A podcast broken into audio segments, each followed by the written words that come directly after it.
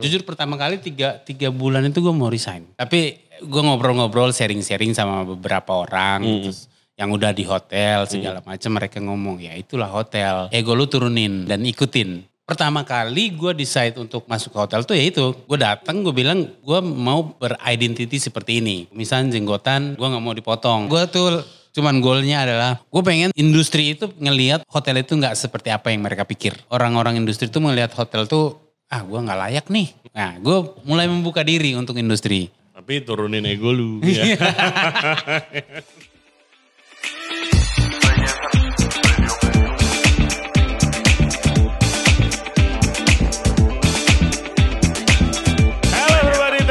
much for tuning into the show today. Tamu kita kali ini Henry Maraben Siktimu atau biasa dipanggil Ale. Dia adalah head mixologist dari Hotel Fairmont di Jakarta. Nah kali ini kita akan bahas tentang background dia, bagaimana mulai merantau jauh-jauh dari Kupang sampai akhirnya sampai di Jakarta dan mulai berjuang untuk kerja di industri bar. Dia sering ikut kompetisi dan juga pada zamannya menang banyak kompetisi. Kita bisa belajar banyak dari episode ini. Seperti biasa guys, jangan lupa subscribe di Regensen Radio di YouTube, Spotify, and all other podcast platform. Follow kita di Instagram, Regensen Radio, dan juga di TikTok. Please welcome Ale. Enjoy the show. Oke, kita cheers dulu Cheers, lah. Pak. Oke, thank you loh udah sediain waktunya. Sama-sama. Pak, thank you udah diundang. Ah, oke guys. Jadi Henry Maraben atau dikenal Ale, head mixologist dari Fairmont Jakarta nih sekarang. eh kita udah mau setup berapa kali, tapi waktu itu eh, nggak available karena biasa di hotel sibuk. Lu megang berapa outlet sekarang, Len? Sekarang megang tiga. Tiga outlet. outlet. Apa aja? Ada Barong, Hmm. ada View, sama ada K22. Hmm. Jadi Barong itu lebih ya di di di ground, hmm. terus View sama K22 di lantai 22. Ada bedanya gak sih kalau lu kan waktu dulu gue kenalnya lu tuh orang restoran. Siap. ya kan Iya. di di restoran biasanya kan eh, megang bar lah gitu Iya. sekarang masuk ke hotel nih udah beberapa kali bedanya apa sih Beda banget. Beda selain servisnya gede Beda. beda banget Pak, beda banget, beda Hmm. banget. Karena kalau misalnya eh, pertama itu birokrasi, Hmm, birokrasi, birokrasinya beda banget. hmm, Tapi kalau di hotel itu lebih ke manage, lebih ke manage.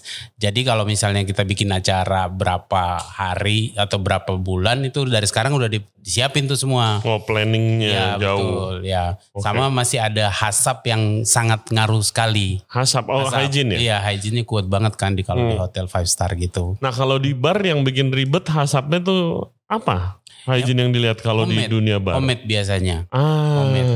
Homemade karena kalau orang-orang hygiene itu mereka kalau menurut gua mereka masih awam, Hmm. masih awam. soal operation awam Betul, sekali lah betul. ya Jadi mereka setuju. masih butuh eh, hal-hal seperti itu. Hmm. Itu yang bikin mereka kadang-kadang ribet. kalau lu homemade lagi fermentasi sendiri Betul. gitu-gitu Iya. dipertanyakan. oh. Tapi pernah per- pernah kejadian lu diribetin sama Hasab? Apa dia bingung aja gitu? Dia bingung, dia bingung. Ini apa? Infusing, infusing misalnya infusing spirit gitu. Iya. Ini kalau kayak gini ada ininya enggak, ada expired date-nya enggak gitu Oke. gitu. Ah, nggak ada Tapi sih sebenarnya. Kalau infusion kalau sirup kan Ya, ya. apa kalau bakal lama. kan biasanya dia kalau suhunya nggak benar kan oxidize biasanya itu Iya, doang. iya. Tapi kalau spirit mah enggak. Hmm, betul dong. Enggak. Ya kan kalau fermentasi ya lama-lama makin asam Betul. aja gitu. Iya. Bukan berarti nggak bisa diminum Iya. gitu. Oke. Trikinya di situ ya. Trikinya di situ. Mm-mm. Tanggung jawab lu apa aja lah sebagai head mixologi sebuah hotel? Tanggung jawab gue program yang pertama. Oke. Program. Jadi- makanya lu sering bikin acara Iya, ya kan ngonsepin harus, pop gua harus up lah ini. program ada aktivasi di hotel itu Oke. untuk recognize orang Heeh, gitu. Yang kedua itu lebih ke quality. Oke. Terus yang ketiga itu eh, apa?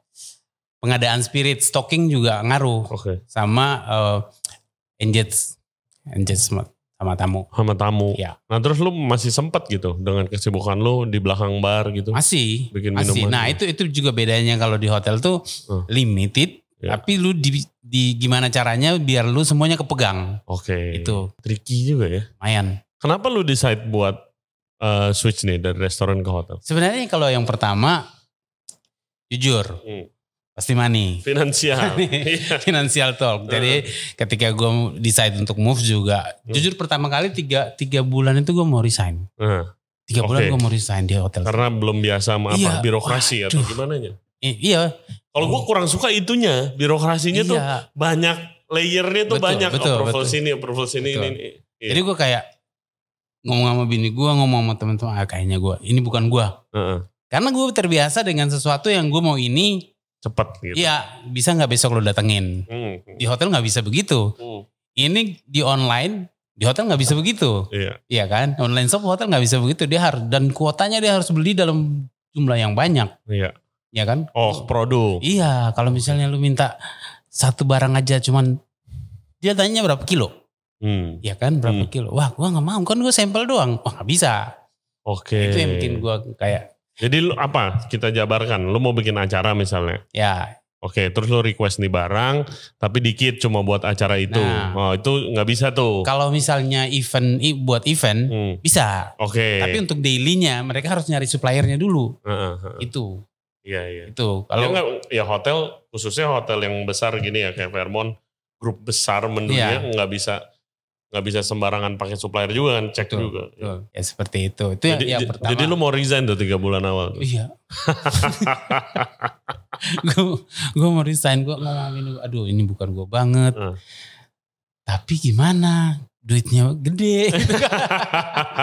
terus ya udah tapi gue ngobrol-ngobrol sharing-sharing sama beberapa orang Hmm. terus yang udah di hotel segala macam mereka ngomong ya itulah hotel Mm-mm. Welcome to the hotel life terus kayak cuman lama-lama mereka cuma nge-advise ego lu turunin Hmm, ego lu turunin dan ikutin Oke. oh ketika ego gue turun dan gue ikutin ya gue dapat oh Hmm. gini cara mainnya gitu Le, tapi gua ngelihatnya kalau makin ke sini hotel tuh udah nggak sekaku dulu acaranya. Iya iya Gitu. Kalau dulu gua paling ingat hotel bikin mentok wine dinner, betul, mentok betul. tuh, ya kan. Kalau sekarang ya tanggung jawab lu aja udah untuk konsepin acara dan Iya, aktivasi, Iya ya kan. Nah lu lihatnya dari sisi lu gimana? Sisi terbukanya hotel. karena pertama kali gue decide untuk masuk ke hotel tuh ya itu gue datang gue bilang gue mau beridentity seperti ini Hmm, misalnya jenggotan iya gue nggak mau dipotong betul. terus gue mau gue nggak mau pakai jujur gue nggak mau ditawarin jas tapi gue nggak mau Oke. karena gue kayak Rada-rada kurang cocok Betul. juga sebenarnya sih sama personal branding Betul, lu kan nah lagi kan itu ya. dia Ah. makanya gue nggak pernah mau Pakai name tag Iya, gitu. gue nggak pernah mau begitu, gue nggak pernah mau. Dan dari situ aja gue berpikir, oh ya udah, Oh mereka oke-oke aja tuh? iya oke, Oke. oke. Jadi gue berpikir, oh berarti ini movementnya si hotel udah jauh Hmm, hmm, hmm. gitu. Lebih terbuka lah. Iya dan ke sini ke sini pun ketika gue mau hire orang, tato apa-apa Hmm. gitu.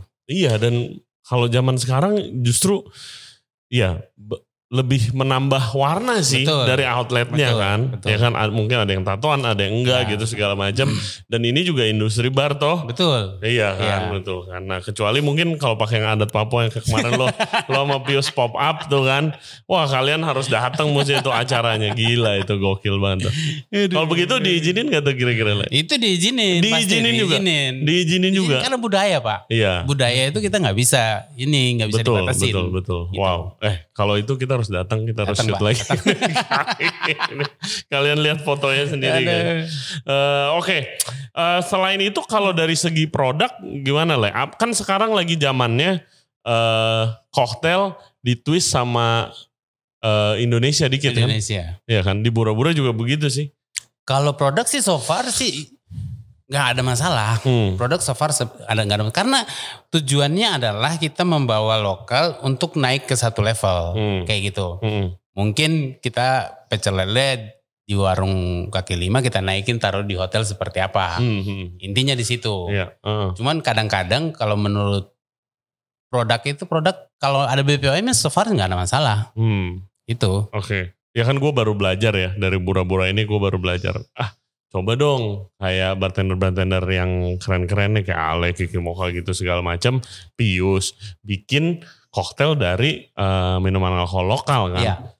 Waktu itu ada gue kumpul-kumpulin tuh. Kam- kambing putih Iya, iya. dari mana Medan, Medan? Medan. dari Medan Nah, macam-macam lah tuh ada Macam-macam. yang ala Banyak. ginseng apa gitu Iya. segala macam Kambing putih khususnya ya. Gue dulu li pertama kali gue lihat kambing putih itu dibikin minuman sama Kiki Mocha kalau nggak salah. Di eh, eh, pokoknya di Union lah. Iya iya iya. Buat 17-an gue beli tuh. Wanginya sih kayak rose. Begitu Betul. diminum, aduh. belum le- levelnya belum segitu gue. Lo pernah bikin minuman eh, pakai kambing putih? Kalau kamput belum. Hmm. Kamput gue belum pernah pak.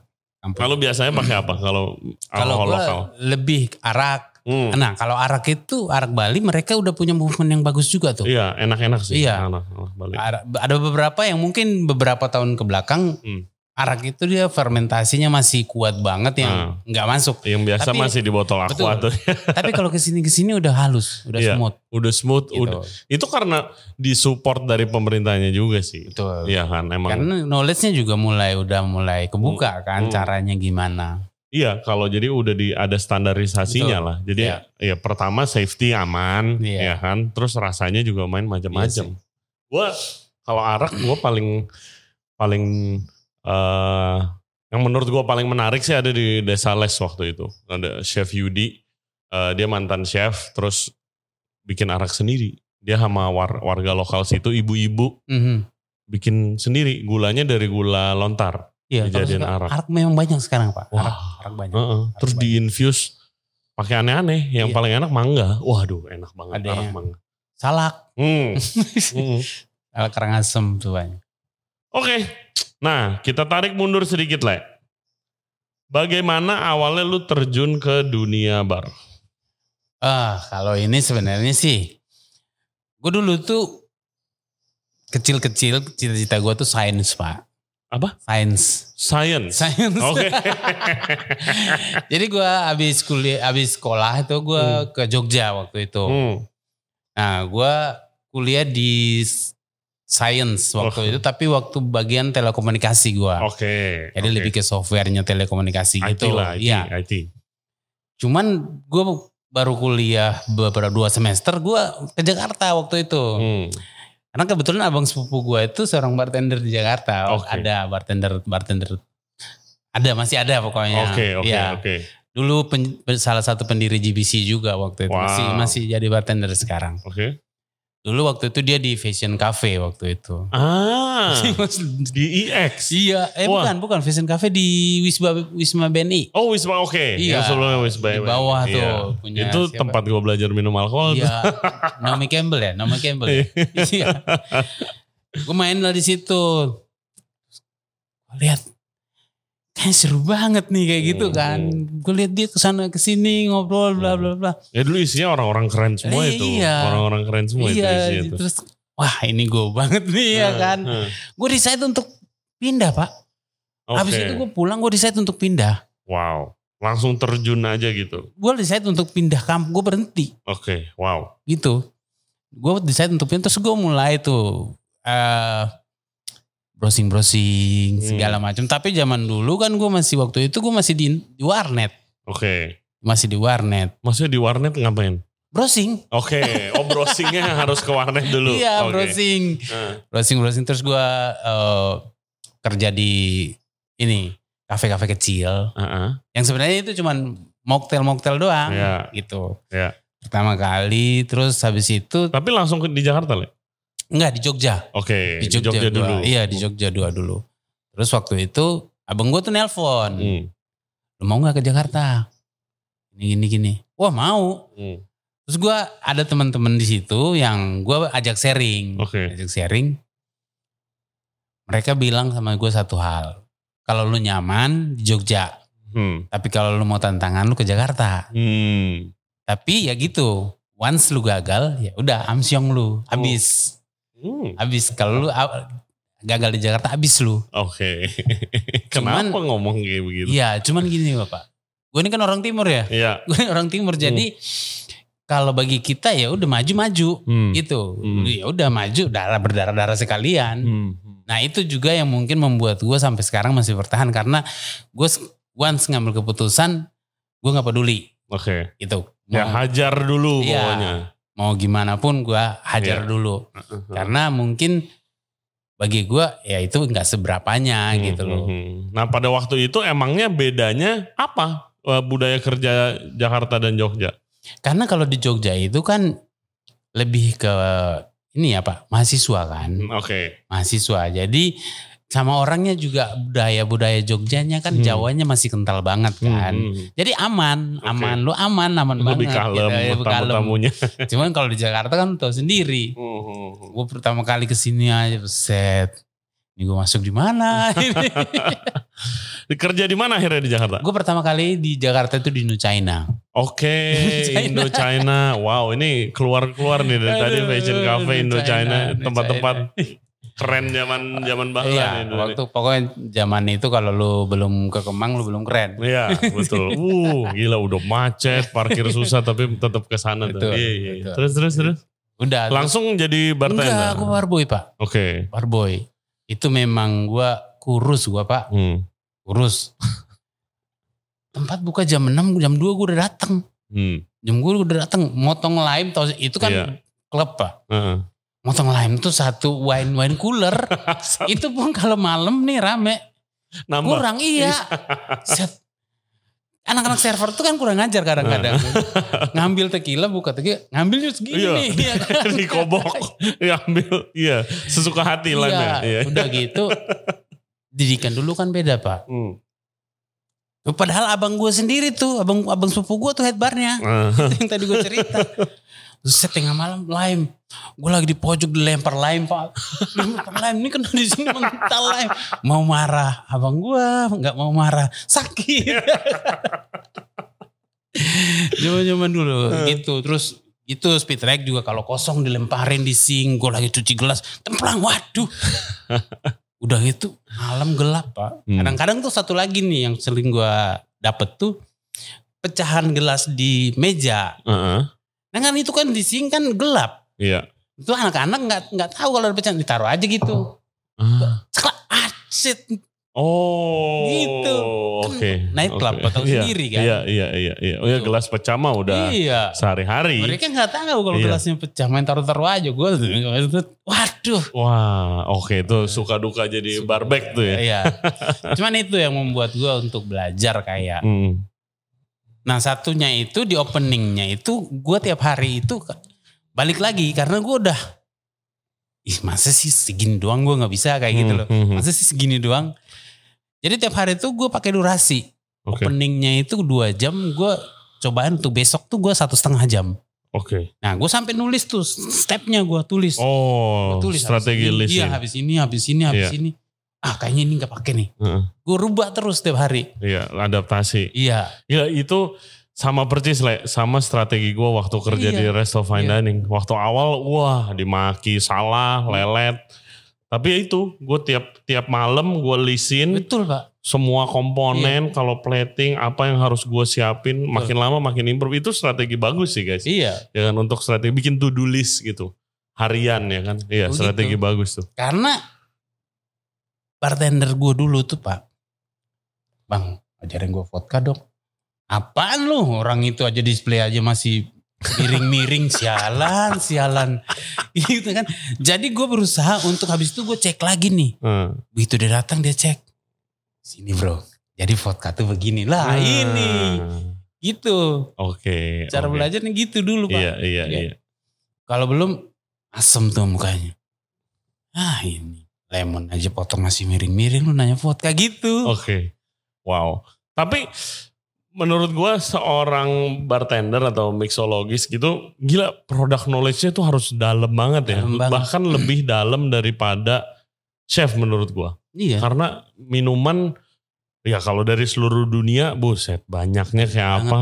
Satu minuman ada ratusan merek dan lu dituntut buat tahu produk knowledge ya bukan dari rasa doang tapi kayak apa mungkin ceritanya di Iya. belakangnya gitu. Itu lu belajarnya dari mana awalnya untuk tahu sebegitu banyak? nah itu jadi kalau dulu mungkin Hmm. gua gua nggak tahu kalau anak-anak sekarang kalau dulu se- semuanya serba limited Hmm.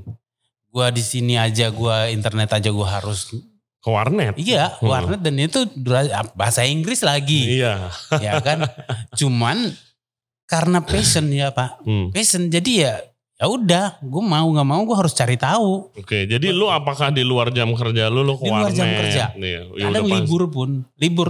Kalau gue dulu libur itu gue namanya uh, bar hopping kalau gue dulu. Hmm, hmm. Jadi gue ke bar, nggak kenal siapa-siapa, gue datang duduk di depan bar, Hmm. ngobrol sama anak barnya. hmm. Terus gue pengen lihat tuh barang yang nggak ada di bar gue. Oke. Gue tanya, bang itu apa bang?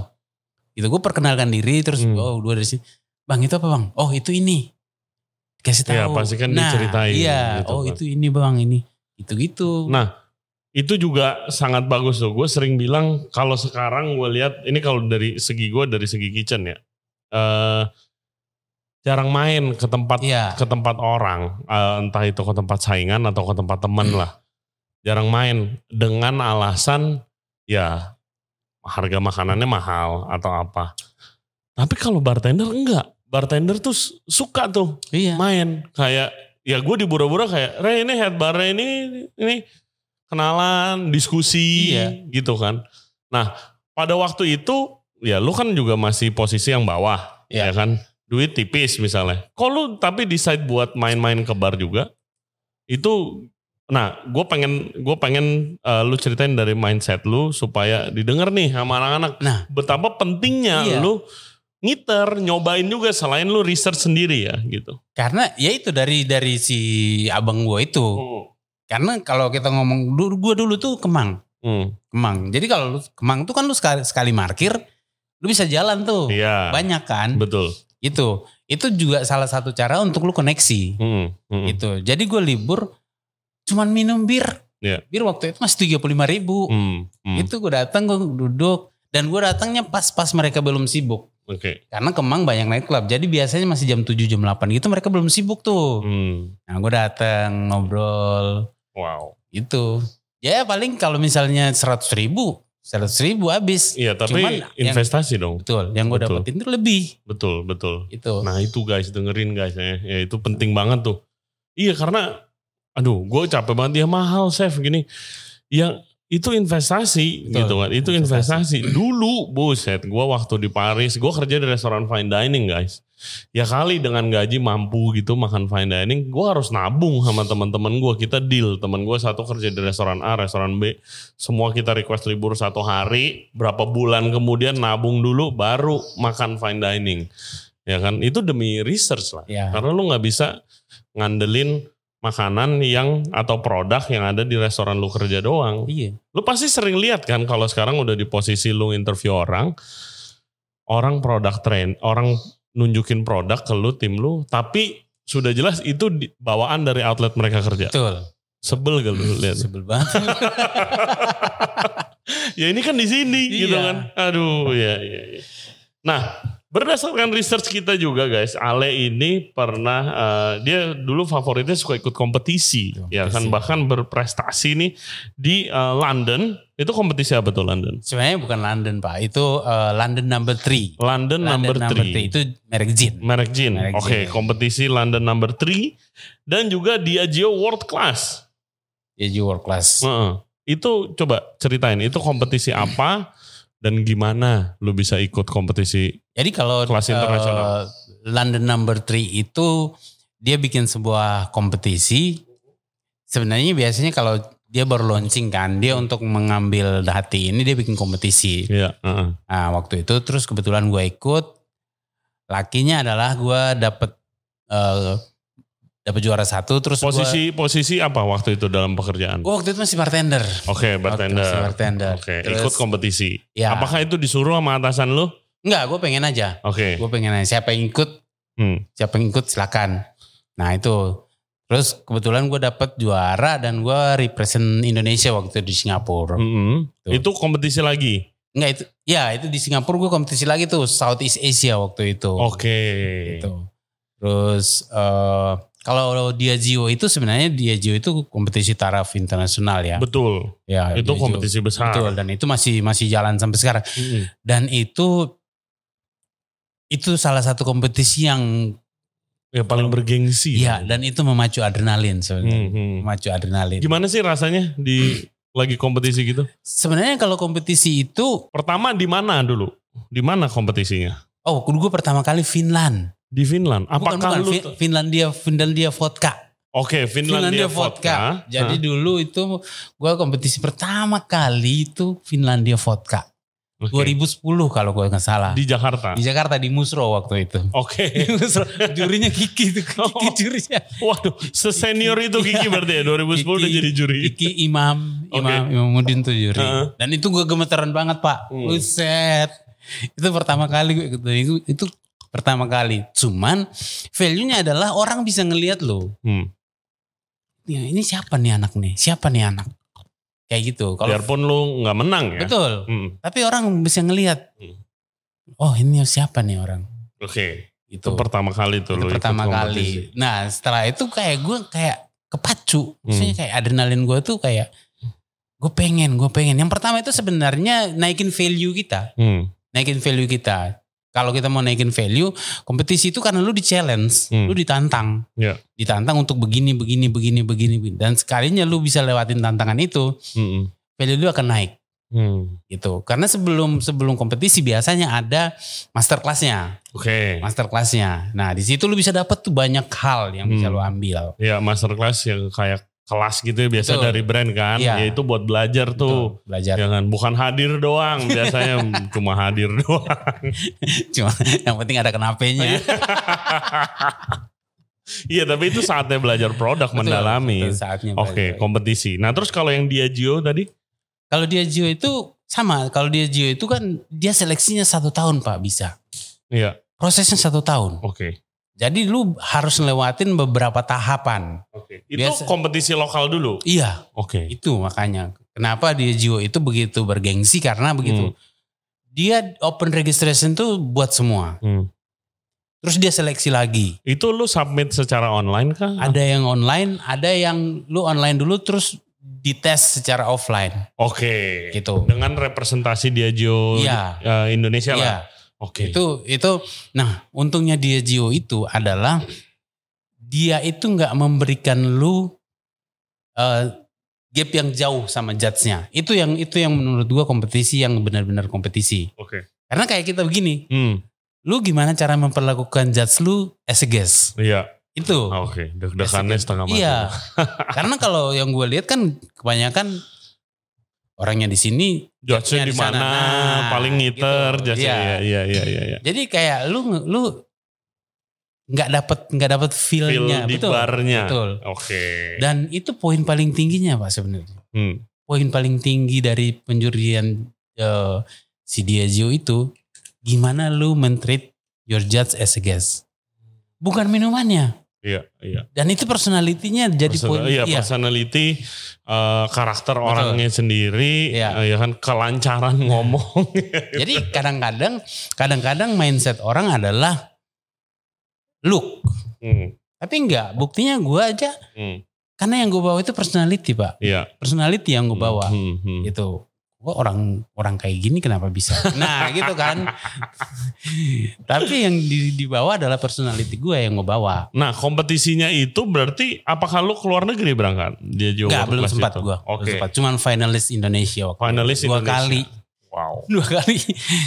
Nah positifnya selain naik value, apa apa lagi sih dari ikut kompetisi? Kan sering banget nih ya kompetisi bartender tuh banyak banget, kopi juga banyak. Value-nya apa? Apakah dari kalau lu tulis lu pernah ikut, apalagi lu pernah menang, apakah lu bisa mendapatkan gaji lebih besar gitu? Bisa. Contoh, posisi lu naik gitu. Bisa. Oh dilihat tuh ya? Iya dilihat pak. Oh. Karena karena gue diri gue sendiri ya. Hmm. Diri gue sendiri itu ya di CV itu akan jadi sebuah hal referensi yang gede. Hmm, Dan secara community pun lu akan naik value-nya. Oke. Gitu. Dan ketika lu apa brand-brand tuh banyak yang ngelirik lu. Hmm. Brand-brand tuh banyak yang ngelirik lu. Hmm. Tapi semuanya di belakang itu kan lu ada sebuah proses yang panjang. Iya, iya. Iyalah, iyalah dan Gitu. ya ini kan dua yang keren-keren ya Iya. kan yang yang nggak menang juga banyak pasti dong ya kan. Banyak banget pak. Hmm. Banyak, banyak banget gua. Banyak yang gua nggak menang tuh banyak banget. Iya tapi kan ya itu dia improving dan kalau gue sih lihatnya kalau lu udah pernah ikut kompetisi berarti lu udah nggak malu-malu nih eh, ngobrol sama tamu Betul. udah lancar gitu karena penting banget Penting, apalagi kalau konsepnya kayak gue nih koktail bar di Bura-Bura kan justru diskusi itu yang ngejualnya kan. Betul. Koktail enak mah banyak banget di Jakarta. Banyak banget. Suasananya. Banyak. Gue pernah dapet bartender, ya iyalah produknya enak banget. Produknya enak banget. Terus tapi setiap eh jelasin dong bro eh, ke gue nih, tolong jelasin. Ini Apa lagi nih? interview nih, Iya iya iya. Nyamping. Jadi ini begini begini begini.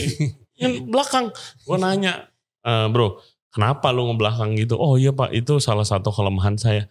Ya nggak bisa kerja di sini kalau begitu. Buset, lu ngelap botol doang dong dari belakang ya kan? Gue ada satu pengalaman, ada satu orang judge dia, Yud, namanya Colin Chia pak. Hmm, Colin Chia yang punya Nutmeg and Clove Singapura. Oke. Orang yang botak. Itu juri paling Juri- Lu lagi bikin ya pak. Ditinggal kadang-kadang ke toilet. Ditinggal. Atau kalau enggak gini. Ngapain gitu. gitu. Tapi dia dia orang yang poin paling penting. Hmm, Itu. Dan Oh. itu mental lu dilatih. iya. Mental lu dilatih. Kadang-kadang kalau lu lagi ngobrol nih. Ngobrol-ngobrol. ngobrol, Jadi begini, begini, begini. Di distract sama dia. Set. Oh dia pengen lihat Iya, fokus lu tetap iya. ya. Wow. Biasanya kalau kayak gitu, lu bisa nggak berhenti? Gue kelarin dulu baru gue ngobrol sama lu. kalau digituin dia berhenti. Oke. Kalau nggak dia makin jadi-jadi. Iya karena lu berhak kan. Oke Iya. bentar ya gue nanti gue jelasin. Oh, Gue oke. pertama kali ketemu gitu orangnya. Ah siapa? Tapi habis itu gue ketemu lagi, gue tanya-tanya. Nah Hmm. itu juga salah satunya. Hmm. Jadi habis lu ikut kompetisi itu lu review. Hmm. Lu review kan. Oh missnya dua di sini, missnya gue di sini, missnya gue di sini. Iya. Itu. Gue tanya sama orang-orang. Apa yang bisa lebih baik Iya, gitu ya. Lu stopin aja. Jadi begitu, gue stopin. Lu bisa nggak berhenti? Gue ngekelarin dulu. Oh iya dia berhenti. Ah, Oke. Keren. Nah salah satu yang penting juga zaman sekarang buat orang FNB bahasa Inggris. Betul. Bahasa Inggris. Ya kan. Lu dulu belajarnya gimana? Gue otodidak belajar bahasa Inggris. Oke. Nah bisa tuh otodidak, Otodidak aja kan. bisa. Bisa. Penting banget Otodidak. sekarang. Otodidak bisa. Karena gue otodidak. Terus gue kadang-kadang mas, ma- penasaran. Hmm. Penasaran. Kalau gue ngobrol sama lu kayak gini. Terus ada satu satu kata yang gue nggak ngerti. Itu tuh secara nggak langsung tuh terrecord. Iya. Ini apaan ya? Habis itu Artinya. gue cari.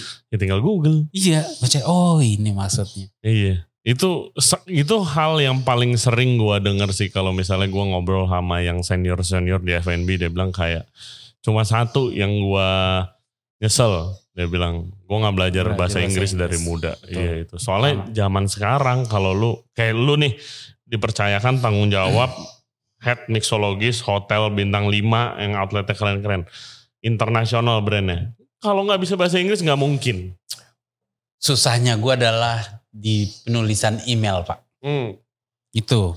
yang masih harus diimprove. Kan beda ya. iya. Ngomong biasa sama. Harus formal. Betul. Nah itu gue.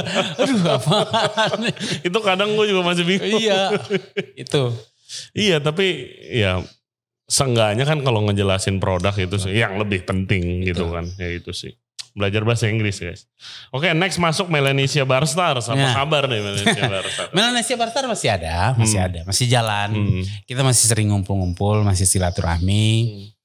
Cuman gue lagi berpikir untuk. Kayaknya kita harus refresh. Oke. Refresh karena ternyata banyak. Setelah, setelah gue jalan-jalan tuh banyak ternyata. Hmm. Ada anak-anak yang sebenarnya orang sana juga. Hmm. Tapi mereka itu nggak mau. Harusnya kita terbuka ya. Kita Iya. terbuka. Hmm. Terbuka. Bang ajak gue dong gitu. Iya, Ya kan? iya, Iya kan? betul, betul, ajak gue dong gitu. Ini malu-malu, Betul. tapi pengen. Iya. Jadi gue nggak mau juga kalau mewakili nama tapi Hmm. tidak merangkul semua. Betul. Ya kemarin nih eh, Melanesia Barstar sempat podcast. Ya. sama sama Regency Radio nih. Eh, tapi bukan Ale, ya. Ya. kan Rolando sama Mario. Mario. Iya. Nah, buat yang belum pernah dengar eh, listener kita, apa tuh Bang? Melanesia Barstar. Jadi Melanesia Barstar. Nah ini Melanesia Barstar Jakarta. Hmm. Jadi Melanesia Barstar Jakarta itu idenya dari gua, Pius sama Bung Kenny. Hmm. Kita pengen merangkul anak-anak bar Jakarta Hmm. yang dari Melanesia Hmm.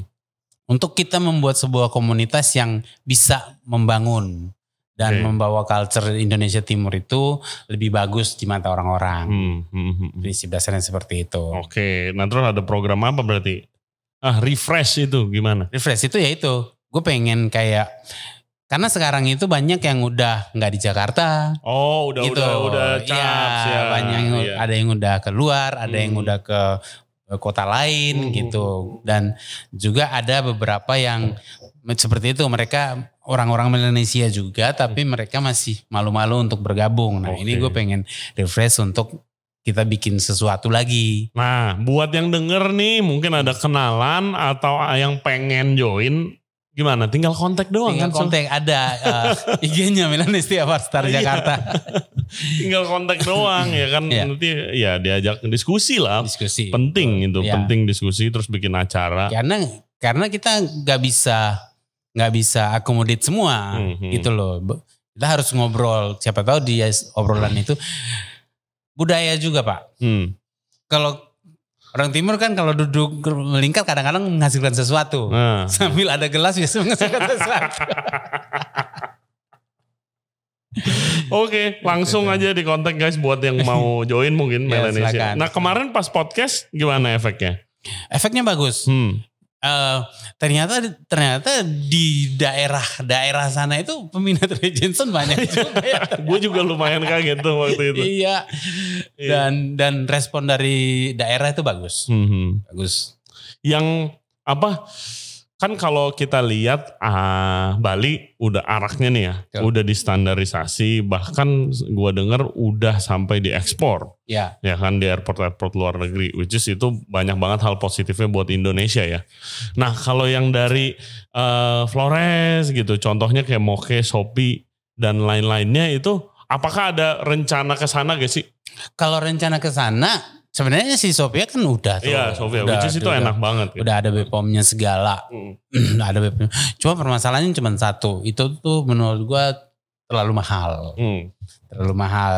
Mahal untuk untuk kualitasnya enak, enak Betul. banget Sofia enak. Tapi untuk price market di Jakarta at least ya itu tinggi. Betul. Heeh. Jadi gue beberapa kali dihubungi sama temen-temen. Hmm. Bisa nggak ini gue dapet ini segini. Cuman nggak usah kalian. Gue aja pengen. Iya. Cuman kalau dibilang dibikin koktel, gue masih pikir ini kosnya berapa? Iya, bukan masalah ini dari Indonesia kok harganya sini Iya. bukan itu. Emang harganya bu- mahal aja. Mahal kan gue kita kan Kalau koktail kan jadi ingredient ya, Iya. jadi cost ya kan. Ya Kita- itu juga sih. Kita mikir kosnya segini, ntar jualnya berapa Iya, gitu kan iya. orang karena orang Indonesia tuh masih berpikir kayak lu pakai bahan lokal kenapa mahal banget Hmm. kan gitu. Hmm, hmm, hmm. Itu masih Iya dan kayak Sofia itu apa? Shopee. Shopee. Oke. Shopee. Cuman Shopee. eh, merek dagangnya aja Sofia. Iya, tapi kan nah ini dia. Shopee menurut menurut gue sih belum seperti Arak untuk dikenal di kota-kota besar. Ya. Ini dari dari apa sih bahannya? Jadi- Pengetahuan itunya belum Oh iya. sebegitunya gitu. Sebenarnya so, Shopee Shopee itu ya kita orang NTT Hmm. itu udah turun temurun sebenarnya. Dari apa sih bahannya? Bahannya dari nira, Nira aren apa lontar atau nira lontar. Nira lontar? Nira Oke. lontar. Sebenarnya kalau ada ada ada caranya itu gua kecil-kecil pun melakukan hal itu. Hmm. Jadi ada pohon nira tuh ada cangkangnya banyak gitu, bukan buahnya ya Pak, ada cangkangnya gitu. Oke. Jadi kalau dibilang dia nira jantan. Oh, yang bunganya bunganya Iya. bukan? Yang Jadi- kayak panjang gitu. Betul. Iya, iya, iya. itu. Bu- Kalau yang buahnya nggak bisa, Hmm, hmm. dia harus yang itu. Iya. Itu nanti dijepit. Dijepit, Hmm, tapi itu prosesnya dijepit dulu berapa kali untuk dia lembek hmm, biar airnya keluar. Iya. Nah, itu baru diiris. Iya. Iris terus ditampung tuh seharian biasanya. Hmm, Seharian. Nah, itu jadi bahan utamanya. hmm.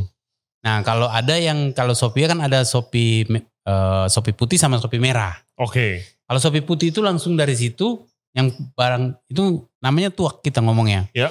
Tuak manis. Hmm. Nah, itu langsung difermentasi. Itu tuak manis enak banget Iya. kalau baru dari pohon. Luar siang-siang, biasa itu. aduh. Siang-siang pakai es. Udah gila enak banget itu. Enak banget. Nah, Langsung difermentasi. terus, iya, langsung difermentasi. Terus didistilasi. Didistil. Oke. Kalau tuak eh kalau Shopee merah Heeh. itu biasanya tuaknya itu dimasak Oke. jadi gula. Gula kayak gula merah nih. Iya betul. Iya. Jadi nanti ada yang biasa bikin gula bentuk lempengan, Iya betul. ada yang gulanya cair. Heeh. Itu dari gula itu baru difermentasi. Oh gula itu difermentasi Iya. lagi Campur air lagi dong mesti. Iya, Oke, campur air lagi baru di distil. Belum pernah tuh gue nyobain sopi merah. Pokoknya sopi merah tuh dia warnanya merah. Iya. Rasanya lebih kayak ram kali ya, Pak? Apa? Iya. Eh, Oke. Rasanya lebih manis. Nah, kalau eh, itu sopi. Sopi. Kalau moke, Kalau moke sebenarnya prinsip dasarnya sama. oke. Prinsip dasarnya sama. Cuman kalau moke itu kan dia di dataran forest. Hmm. Ada dasarnya. Dan menurut gua cuman bedakannya adalah eh, terroir ya. Iklim. Oh, Iklim, gitu. Terroirnya Iya, di si pohon tersebut. Betul. Karena tanda, tanda lontar di dataran timur sama lontar dataran Flores itu beda. Oke. Air eh, curah hujannya Curah beda, hujannya beda, beda. pasti rasanya Betul. beda juga. Oke. Nah, kalau di daerah lu berarti sopi. Sopi, Hmm. sopi ya. I see. Gimana ya supaya untuk introduce lebih lagi Shopee ya ke ke ini ya? Kalau menurut gue sebenarnya cuman eh, tergantung Pemda sih itu, Hmm. tergantung Pemda. Ya kan? Itu Karena yang punya hak untuk melicense itu dan BPOM-nya kan Pemda ya, Hmm, bukan bukan bukan gua. Iya. Gitu. Kalau misalnya menurut gua bisa diturunin kenapa enggak? kayak yang dilakukan Bali pada saat pandemi itu harus dicontoh sih. Iya. Karena dia kan eh, sadar nih Bali, kalau menurut gua ini ya, gue lihatnya Bali sadar ini kita terlalu dependen sama turis. Betul. Kita harus punya barang yang kita bisa produksi sendiri Iya. dan bisa semua disebarluaskan. Which is itu arak. Iya. Ya kan arak Betul, Bali, betul. makanya arak Bali itu udah terkenal. Iya. Itu eh, strategi yang bagus banget sih. Karena kan di Indo selain arak banyak juga Jawa terkenal ciu. Hmm. Eh, ya tadi eh, Timur Moke dan Oke. Sopi. Ada lagi gak selain itu dua? Ka- sebenarnya sih kalau misalnya kita ngomong ke Papua kan ada Sageru. Eh, Iya itu kan? apa lagi? Sageru kayaknya sama. Kalau gua nggak belum terlalu tahu Belum, tuh belum tentang tahu. Sageru. Sageru. Karena Oh, secara fisiknya sendiri pun gua belum pernah lihat. Oke. Ya. Nah, komen guys. Ya. Kalau misalnya tahu Sageru. Tapi banyak juga anak-anak yang it- ngomong kalau Sageru Sageru gitu. Oke. Pakai Sageru enak kayak gitu. Cuman gua nggak jujur secara Belum, pribadi gua belum, belum, pernah belum lihat. coba. Iya. Iya. Seru sih kalau ngomong gitu Iya. ya. Oke, oke. Tuaknya gue belum pernah coba kalau dari apa Yang langsung itu. Yang langsung udah tapi aren bukan lontar. Oh. Itu gue nyoba di Bali. Iya, Jangan iya. lontar gue belum pernah nyoba. Itu putih dan manis banget pak. Hmm. Ya biasa kalau di Kupang Hmm. Pagi-pagi itu banyak banget di, di orang mikul. Oke, baru manen. Iya. Ah. Karena dia dia panennya pagi sama sore. Hmm. Itu pagi sama sore dia panen. Oke, wah, keren keren keren. Semoga nanti kita bisa bareng Mas Ale ke sana. Kita Siap. manen manen apa? Langsung. Nah, nextnya apa nih untuk lu? Apa ada goal yang mau tercapai? Masih ikut kompetisi gak? Oh kalau kalau kompetisi sih gue cukup.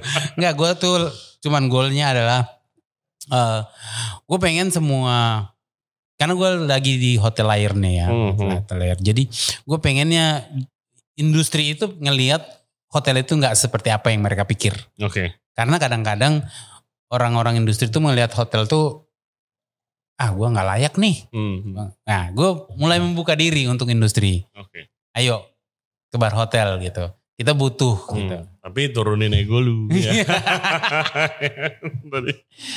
Oke, sekarang kita masuk ke Q&A nih, Le.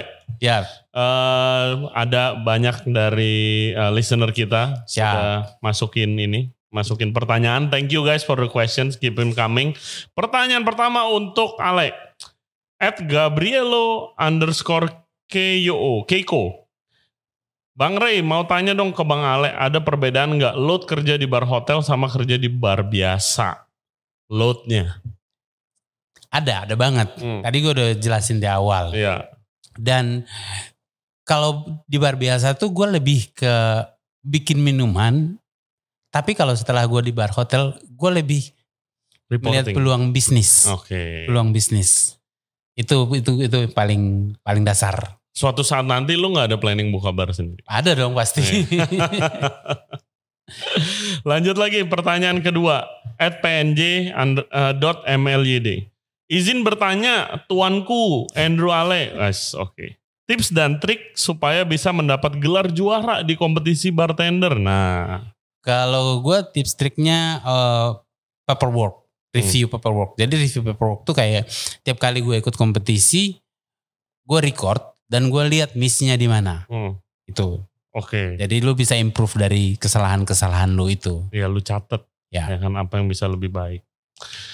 Lanjut. Nah ini pertanyaan dari Youtube. Ed Sugeng Arifianto 7160. Nah menarik nih pertanyaan. Seberapa besar pengaruh Pak Kiki Moka dalam karir Bung Ale katanya? Gimana? Lu pernah kerja bareng eh, Kiki Moka? Ngaruh. Eh, kerja. Pernah-pernah. Oke. Gimana? dia? Apa pengaruhnya dalam karir lu? Jadi eh, pengaruh banget. Hmm. Ada ada tiga orang kalau dibilangin. Hmm. Ada tiga orang buat eh Mentor shout- lah ya. gue shout out buat mereka ya. Heeh. Ada tiga orang yang berpengaruh bagi. Yang pertama itu Kiki. Iya. Kiki itu dia dengan stylenya, Hmm. klasik twistnya, Hmm. pengetahuan klasiknya luar biasa. Tapi flavor pairing lidahnya luar biasa. Luar iya. Luar biasa. Iya. Lidahnya flavor pairingnya luar biasa. Itu yang gue ambil. Gua gua kemarin podcast sama uh, wine uh, tentang wine kita ada sponsor. Terus dia kita mau bikin blind tasting. Terus si mau bilang, "Re, dulu ya gue sommelier, Re.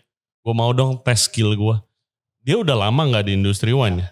Dia bisa dengan blind tasting sampai sekarang dia tebak merek, tebak tahun. Dia luar biasa. Bukan tebak tipe wine-nya doang ya.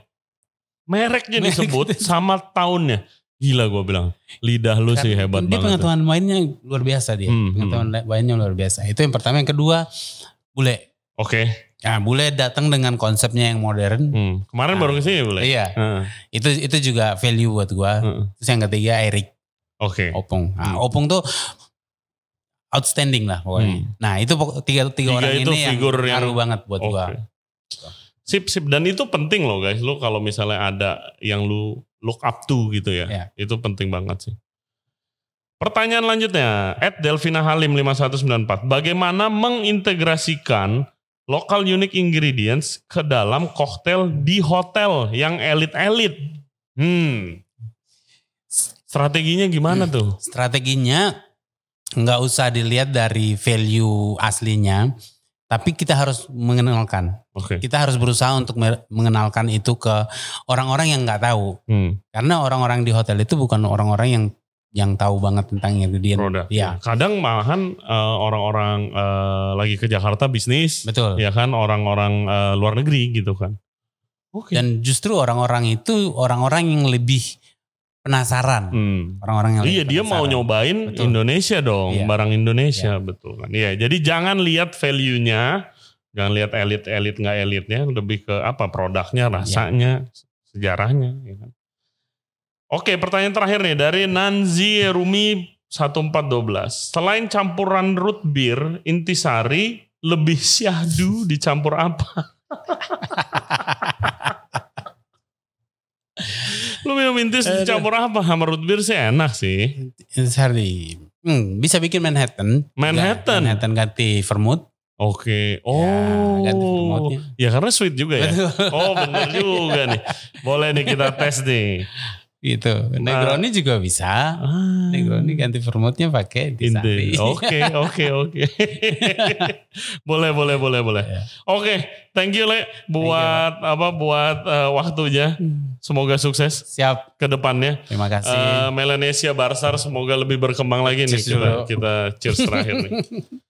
Ya kan, thank you ya guys buat yang udah nonton dan yang udah dengerin juga podcast kita kali ini sama Ale. Jangan lupa subscribe di Ray Jensen Radio Podcast di YouTube, Spotify, Apple Podcast, Google Podcast, Anchor App. Kita semuanya ada. Eh, main-main ke Fairmont buat ketemu Bang Ale. Ada apa aja? Ada lu ada di View, ada view, ada barong, sama ada K22. ada K22 dan ada Barong juga ngobrol-ngobrol sama Ale. Eh, atur strategi tuh kalau mau ikut kompetisi. Dan jangan lupa yang mau join ke Melania, Melanesia Barstar, jangan malu-malu. Jangan malu-malu. Tinggal kontak aja. Oke, Pak. as always guys, see you next time. Thank you very much. Bye-bye.